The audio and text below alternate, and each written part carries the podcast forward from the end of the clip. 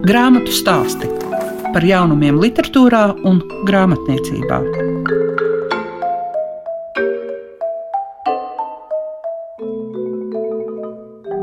Savu skanējumu sāk grāmatu stāsti. Un 1.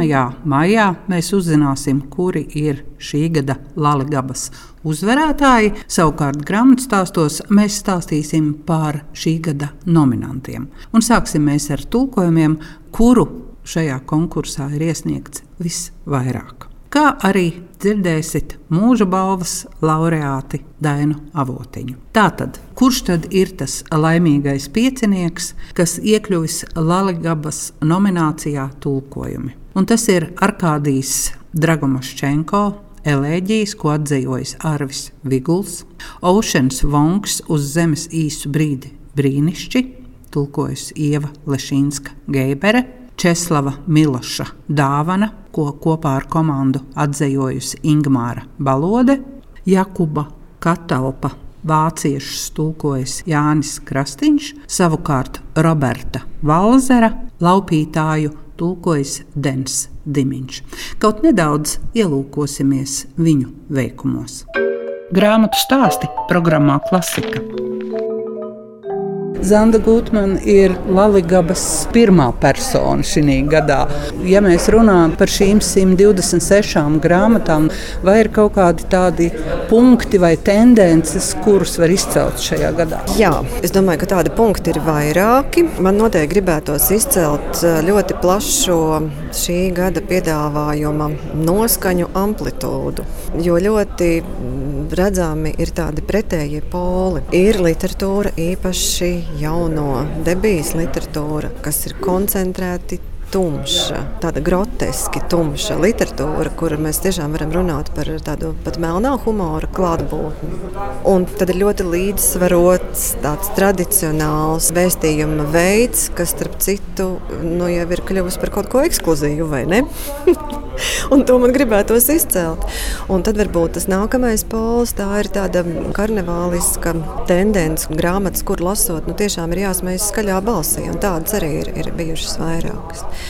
Bet e, es noteikti vēl šajā amplitūdā iezīmētu arī sirsnību, atklātību, nebaidīšanos pašam no sevis, kaut kādas liekas koķetērijas noņemšanu, kas man šķita ļoti, ļoti pozitīva tendence, ka mēs vairs ne tik daudz gribam spēlēties, niekoties, kaut ko izdomāt, bet kaut ko tādu tīru radīt. Tas īstenībā nozīmē, ka mēs kļūstam krāsaināki un krāšņāki. Nu, izlasot tik daudz grāmatu, man patiešām ir pārliecība, ka mēs kļūstam krāsaināki un krāšņāki un brīvāki un brīvāki savā izpausmē. Nu, un, ja jūs izvērtējat to, kas ir saistīts ar tulkojumiem, jo tā parasti katru gadu ir visresnākā. Jā, tieši tā. Man arī šoreiz 39 grāmatas, un mēs šai kategorijai ķērāmies klāt pirmajai. Tiešām ar tādu visgrūtāko uzdevumu arī sākām. Un es domāju, ka, protams, te ir patiešām darbi, par kuriem šķiet kuriem būtu noteikti jābūt nominētiem. Bet um, varbūt tas, ko mums arī domas saskanēja tajā, ka mēs gribam izcelt līdzās mūsu ļoti zināmajiem un izcilajiem tulkotājiem, kuri arī tiek novērtēti. Mēs gribējām izcelt arī citus tulkotājus, kuri izcili dara savu darbu. Varbūt iepriekšējā posmā nav tik ļoti novērtēti. Mēs pat neesam par to vienojušies, bet um, nu, tas rezultāts arī par to savā ziņā liecina. Un, protams, ka mēs pievērsām uzmanību darbam ar tekstu un domājot par tādiem konkrētiem uzdevumiem, kas ir katrā tekstā, paskatoties uz niansēm, kā tulkotājs ir risinājis ja, tos sarežģītākos uzdevumus. Tulkotāji jau nereti ir tie, kas paredz nākotni, jo viņi prot atrast tos tekstus, kas mums pēc viņu neviena viena gada darba, pēc vairāku gadu darbu ir aktuāli tieši tajā brīdī, kad nonāk pie latviešu lasītāja. Paldies, tās ir tieši manas domas. Precīzi to arī domāju, ka tā ir tā lielākā māksla, ja, ka intuitīvi sajust laiku, proti to, kas vēl nav, bet būs. Noteikti gribu izcelt, vēlreiz izcelt Česlavu Milošu dzēju, jo galu galā tas ir cilvēks, kurš ir pieredzējis, kad sāk krist pirmās bumbas un pieredzējis bēgļu bēgļu gaitas, emigrācija, un, un tā ir pieredze, ar kuru mēs šobrīd saskaramies. Tā ir dzēja, kurā ir izmisums par to, ko māksla var darīt tādās katastrofas situācijās, un, un, un atbildi ir turpat. Mēs redzam, ka tas ir mākslas spēks, kurš tieši var palīdzēt šajās katastrofas situācijās. Un man noteikti gribētos izcelt arī krastiņu tulkojumu un, un, un katalpas vāciešus, kas ir stāsts par Sudetijas reģionu, kas vēsturiski ir diezgan nopietns iesākums Otrajam pasaules karam. Šobrīd eh, grāmata ir eh, ļoti aktuāla. Tā ir Čehijā godalgota grāmata, un krāsteņa tulkojums parāda, ja, ka grāmata ir tiešām tā, tā vērta, lai, lai mēs to iepazītos. Noteikti par Dragomešķenko un arī Vigula darbu, nu, tas pat nezinu, tāda sajūta, ka tā ir tādas piruetes jāveic eh, arī dzēniekam, lai šo tiešām tik, tik ļoti saudabīgo domāšanas veidu pasaules pasaules uztver tēlainību, kādu Dragomašķenko mums piedāvā. Tad Dragomašķenko ir 70. un 90. gadu Sanktpēterburgas alternatīvās dzejas eh, pārstāvis. Tā patiesi ir lirika, kas ļoti pārsteidz un Arvis Viguls to ir, tur ir jāpārrada, un tas ir jāpārrada meistarīgi, tā, lai, lai mēs to varētu uztvert arī, arī latviešu valodā. Tad mm, Ieva Šīnska no zemes īsu brīdi brīnišķi, arī ļoti aktuāla tēma - austrumu rietumu kultūru saskarsme, citādība šajā pasaulē, cik tā ir sarežģīta, un, un romāns mm, varbūt no tulkojuma viedokļa skatoties īpaši ar to, ka tādas ļoti interesantas pārējas uz tādu poētisku izteiksmi. Šī poētiskā izteiksme iepīta visai spraigos arī notikumos. Un, jā, pavisam liels pārsteigums latviešu lasītājiem droši vien būs. Būs Valzera laupītājs eh, Dena Dimiņam tulkojumā. Nu, jā, Valzers mums līdz šim nav bijis pazīstams. Tas vien jau ir izcili, ka viņa darbs ir piedāvāts un turklāt jā, šis, šis darbs arī nu, gribas teikt atkal, ja mēs runājam par kādu laikmetu beigām, par modernismu, postmodernismu komunisma laikmeta beigām, ka tas arī tieši šobrīd, nu, kāpēc ne, tas ir īpaši aktuāls. Šis tāds vērotājs, kurš klīst pa pasauli un kaut ko nedaudz pavēro, kaut kam pievērš savu skatienu, pēc tam to pazaudē, un mums gribas teikt, tā neraksta, tā nav pareizi darīt, bet Valzers to dara tik graciozi, un, un, un Dimiņš mums arī tikpat graciozi to pārrada. Es vēl gribētu par mūžu balvu. Par mūža balvu, jā, cieņas un, un, un godā apliecinājums cieņa Dainai Avotiņai. Man šķiet viens kārtīgs latviešu literatūras darba rūķis, ja tā drīkst izteikties, jo cilvēks, kurš ir godprātīgi darījis savu darbu visu mūža garumā un, un patiesībā, jā, vairākās jomās viņas devums ir ļoti, ļoti paliekošs un ļoti nozīmīgs. Nu, viens ir tas, ka padomu laikā Avotiņas dzēja ir bijusi ļoti mīlēta un populāra. Otrs ir tas, kas var varbūt pamanīts pēc zināma laika, proti tas, cik daudz mēs esam lietuviešu kultūru iepazinuši tieši pateicoties Nēnas um, avotiņas darbībai. Un trešā joma, kas man šķiet ļoti svarīga, arī viņas darbošanās, um, nezinu, dzējas tradīcijas attīstībā kopumā. Gan dzējas dienu organizēšana, gan arī tāds darbs, kurš varbūt ir palicis nu, kaut kur fonā, kaut kur ēnā. Mm, arī tas, ka aizmirsts, aizmirsts jā, un, un to gribējās izcelt. Tās patiešām ir tādas, mēs nedrīkstam to aizmirst. Ir tāda sava laika migla, kad mēs kaut ko neredzam, un kādreiz mēs kaut ko aizmirstam uz diezgan ilgu laiku. Un ir labi, ja mēs paskatāmies atkārtot ar svaigām acīm vēlreiz un, un ieraugām to vērtību, kura ir kādu laiku varbūt nepelnīti aizmirsta. Tikko dzirdējāt Zandu Gūtmani, kas ir šī gada Latvijas ekspertu vadītāja, un tūlīt pat ieklausīsimies, ko par savu darba dzīvi stāsta Daina Avotiņa. Protams, ka tas ir tikai pavisam, pavisam neliels fragments no viņas sacītā. Krievu autoru sekcija bija Rakstnieku savienībā. Jūs varat iedomāties, viņu bija, cik, viņi bija gandrīz vai 30. Gandrīz vai 30. No viņiem kāds trīs bija rakstnieki, pārējie visi bija pilnīgi un galīgi grafomāni. Un bija tāds, tāds Gorskis bija krievu dzēnieks, pretīgs. Man ir divi cilvēki, es pat neatceros, bet Gorskis ir viens, kuriem es nekad neesmu roku devusi un nedot arī. Viņš bija tāds, kas gāja un sūdzējās un tāds sūdziķis un tāds meklēja, kur tik piesies. Un tad tas nepārtraukti nāca pie tā saulīša un, un nesa to savus sacerējumus, un tas Brunā kā tā kautrīgi un mīļi mēģināja no, noraidīt. Pats netika galā tad redaktors, tur, nu, redaktori jau parasti izlasīja, viņam tik bija jāatbild. Nāca un iekšā pie viņa un durvis ciet un, un sāk to Bruno lamāt, kad viņš ir reģionārs un viņš ir fašists un, un, un viņš ir tāds un tāds un tāpēc viņš neizdod viņus. Un, un ka viņam te nav vieta, viņam vieta ir nezinu, kur vai ne. Un, un tas Bruno cieta, cieta un beigās arī pacēla cepuri. Viņš vairs nevar izturēt, viņš vairs neizdarīja tos viedamēni, un neviens jau viņu neaizstāvēja. Tas jau tas trakākais bija, redzu, es neatceros, kurš tur aizgāja, vai Auzīts, laikam, toreiz aizgāja pie direktors. Viņi bija bijis sportisti un vispār, vispār atkal man jāsaka lāgas cilvēks, bet nu, arī domāja par savu krēslu, par savu maizi, vai ne? Un aizgājis pie viens vai otrs, vai ne, viņi arī mēģināja tā izlavierēt. Nekas neiznāca un Bruno aizgāja. Man ielika par vietas izpildītāju. Mm -hmm. Un te jūs varat iedomāties, kas notika pa brīnumu. Mani kolēģi, šitie, kurus es jums uzskaitīju, tas piecinieks vai sešnieks, kurš bija, aizgāja, bija uzrakstījuši depešu un aizgājuši pie direktors atkal, lai liek man pa vadītāju. Meklēju to vadītāju, un vadītājs bija atrasts kaut kāds tāds nevēlams. Tas bija tā lieta. Es neatceros, kurš tas bija, bet tāds nevēlams, ko negribēja viņi vai ne. Tad viņi bija pieprasījuši, lai ieliek mani. Ielika. Dēļ vajadzētu vēlreiz to piecinieku uzskaitīt. Nu, piecinieku, nu sāksim, sāksim ar vāciešu, tā kā tas pienāks Ojārs, abi Manti Ziedonis un Auziņš, Jānis Plotnieks, Jānis Sirmbārds, Marta Bārbala. Tas seši sanāk. Seši, un septītā bija Zina Līce, laba oh, tulkotāja un jauka tāda stabila sieviete. Nu, Dainavot viņa bija, es jau biju priekškalā. Nu, bet ja Ielikta. Jā. Un kā tas beidzās? Tas nu, beidzās tagad tā. Tagad, tagad tā problēma bija tāda, ka Čeka un kultūras ministri un visi gribēja, lai to redakciju noteikti vada savienības biedrs, lai, lai Raknieku savienībai tur būtu teikšana. Bet es neesmu nekas. Man bija nākusi tāda plāna švakar vārga grāmatiņa. Kā bija pirmā grāmatiņa? Magoņa vasara šausmīgs vakar grāmatiņa. Nu tāda pavisam švaka. Arī jāsaka, Bruno man kritika izteica. Sēdējām abi vienā, citi kolēģi bija aizgājuši, vienā istabā tur viņš vienā pusē pie galda, otrā.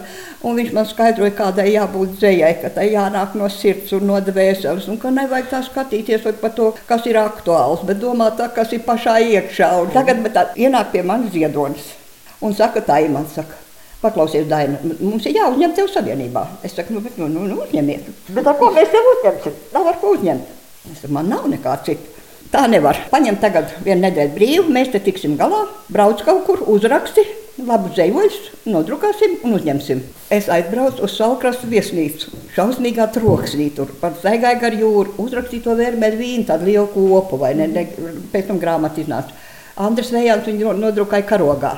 Un tam man uzņēma to grāmatiņu, un to kopu steigšus uzņēma Rakstnieku savienību. Rakstniekiem nebija nekāda teikšana vairs, vai ne? Un varēja kādu citu ielikt manā vietā. Nu, tā kā es jums saku, man tā iešana pa tiem amatiem bija bijusi ļoti raiba. Grāmatu stāsti tiem, kam grāmatu lasīšana ir vērtība. Roberta Valzera laupītājs, kas iznācis orbītā, to latviskojas Dens Dimiņš. Nejauši un šķietami nevainīgi nāk gaismā apslēptais, uz robežas esošais, Turklāt Valzera novērojuma trāpīgums un smalkais humors nebeidz vien sajūsmināt lasītājus arī mūsdienās, bet grāmatstāstos uzzināsiet par jaunākiem Dena Dimiņa tulkojumiem. Es Dan gribēju pajautāt par to, kā tajā, ko jūs tulkojat, cik dažādi parādās attieksme gan pret karu, gan pret jēdzienu bailes. Nu, šīs ir liels jautājums. Man, protams, uzreiz prātā nāk nesenākais tulkojums, kas ir iznācis. Tas ir Ismaila Kadares mirušo armijas ģenerālis. Romāns ir veltīts kara tēmai, un šai brīdī tas ir nu, īpaši aktuāli. Varētu teikt, ka ir trāpīts desmitniekā ar šo pacifismu, ar vēstījumu, kas ir šajā romānā, manuprāt, ielikts. Un bailes, jā, nu, bailes ir cilvēkos, manuprāt, dažādos līmeņos un dažādos veidos. Un kara laikā vienmēr aktualizējas bailes no iznīcības, bailes no šausmām, no neizprotamā, neapturamā. Un tieši šajā Ismaila Kadaras romānā to var just īpaši skaidri. Mēs, es nezinu, vai man ir vērts daudz stāstīt par sižetu. Es negribu sabojāt lasītājiem prieku, atklāt šo grāmatu, bet sižetu varētu tādās lielās līnijās atklāt, ka tur ir runa par ģenerāli, kurš aizbrauc uz nezināmu zemi, kas vēlāk izrādās Albānija tur savākt savas armijas kritušo karavīru mirstīgās atliekas. Tā, tas ir tas pamat uzstādījums. Un, um, brīdī, kad viņš dodas dziļākā iekšzemē, kad viņš nonāk Albānijas tādos, varētu teikt, kā dziļajā Albānijā, tālos laukos, tālos kalnos, viņš atklāja, ka tā viņa misija nemaz nav tik cēla un kā aiz, aiz katra šī atvērtā kapa slēpjas arī izceļas gaismā, var teikt, iznāk gaismā nogalinātie albāņi, kritušie dēli, kritušie vīri, brāļi, visas šīs kara traumas. Savā ziņā tas arī ir trauma romāns, un tas palīdz kaut kā pārvarēt šīs traumas. Grāmatu stāsti programmā Klasika. Poļu dzinieka, eseista un atzīvotāja Nobela prēmijas laureāta Česlava Miloša atzīves šķiet esam gaidījuši ļoti ilgi. Un tagad samta sērijā šis krājums dāvana, ko galvenokārt atzīvojas Ingmāra Balode, nonācis arī pie mums un iekļuvis Laligabas nominācijas tulkojumi sarakstā kas ir patriotisms literatūrā. Man liekas, ka tas, kas ir saistīts ar Česlavu Milošu, arī ir komentējams tieši šajā jomā. Ai, par patriotismu literatūrā un Česlavu Milošu mums noteikti vajadzētu kādu piecu līdz septiņu dienu zinātniski, poetiski, morāli ētisku konferenci rīkot, un tad varbūt kaut ko mēs par to spētu pateikt. Taču Česlavam Milošam attiecības ar patriotismu mēs varam skatīt vairākos aspektos, modos. Viens pilnīgi noteikti ir viņa uzaugšana daudzvalodīgā, daudznacionālā vidē, kur nevienas attiecības nav iepriekšdotas un vienkāršas. Tās ir mainīgas, sarežģītas, struktūrētas, un to izvērsums vienmēr ir atkarīgs no tā paša, no kā tagad, no, no cilvēcības, no tādas sirds gudrības. Es runāju par poļu ģimeni, kuri dzīvo tā brīža Krievijas impērijā, taču pēc mūsu šī brīža skata Lietuvas laukos, kuri savā ikdienā tāpat kop to pašu zemi, jūsmo par tiem pašiem kokiem, drūvām un tā tālāk. Milošs tēvs, kurš mācās Rīgas Politehnikumā un sauc Milošu mammu, kamēr viņa vēl nav Česlava Miloša mamma, tepat uz Rīgu balēties kopā ar korporaļiem un staigāt pa kafejnīcām, restorāniem, koncertiem. Miloša tanti, kurai skaistākās ārzemes, vēl bez viļņas, tāds teiksim, eksotisks izbrauciens no savas vidas ir vai nu uz Viļņu, vai nu uz Rīgas jūrmalu.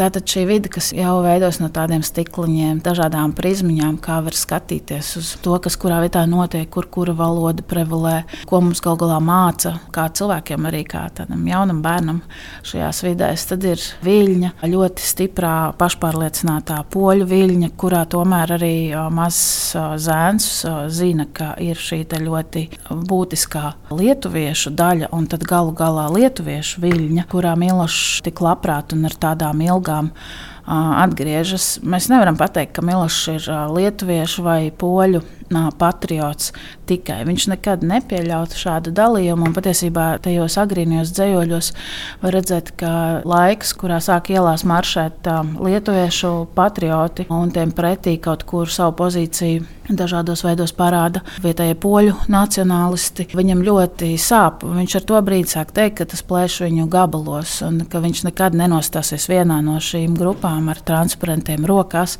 Zējoļos viņš, protams, izspēlē gan ielu nosaukumu maiņu, gan um, teiksim, Viļņas kā pilsētas kaut kādas rakstura pārvērtības, bet tajā pašā laikā tā ir visu mūžu viņa iekšējā viļņa, ko viņš turpina sev nest līdzi. Tāpat kā viņam pieder savs laika nogrieznis, savs gabals Vāršavas, kaut vai Vāršava burtiskā nozīmē viņa acu priekšā aiziet bojā, um, viņš no tās izkļūst, tam ir um, atsevišķi dzējoļi, kas arī ir šajā krājumā ielikti, kā viņš um, iziet no viņas uz uh, gošaciem.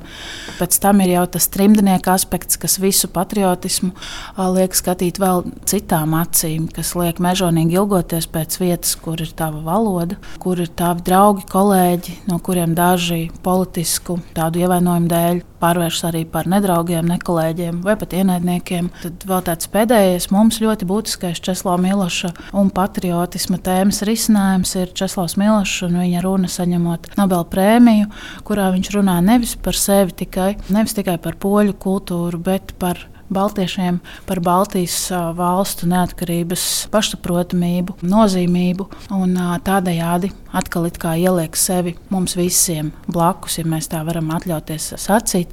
Tajā brīdī viņš nav dzēnieks no Amerikas, tajā brīdī viņš nav profesors no Berklijas, tajā brīdī viņš ir tas pats jauneklis, kurš mācījās lasīt. Tepat lietuviešu laukos savus poļu burtus, par kuriem viņš raksta, droši zina, lasīt nemūžam es nemācēšu.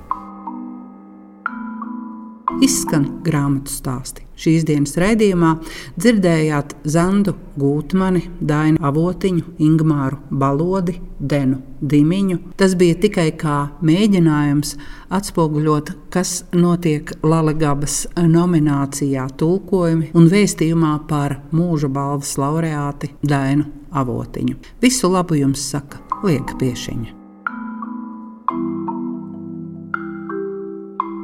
Grāmatu stāsti par jaunumiem literatūrā un grāmatniecībā ik trešdienu, 9.5.